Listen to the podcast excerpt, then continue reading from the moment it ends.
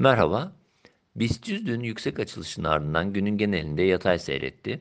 Kapanış 2230 seviyesinde gerçekleşti.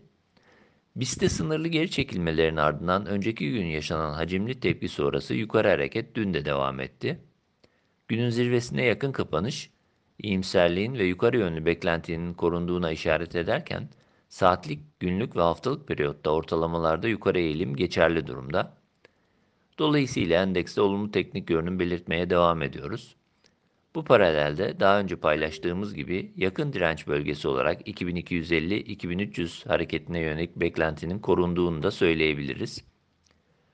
Bu bölge üzerini ise endekste daha belirgin bir yukarı eğilimin gelişebileceği bölge olarak değerlendiriyoruz. Bu bant üzerinde 2500-2650 bandına yönelik bir hareketten bahsediyor olacağız.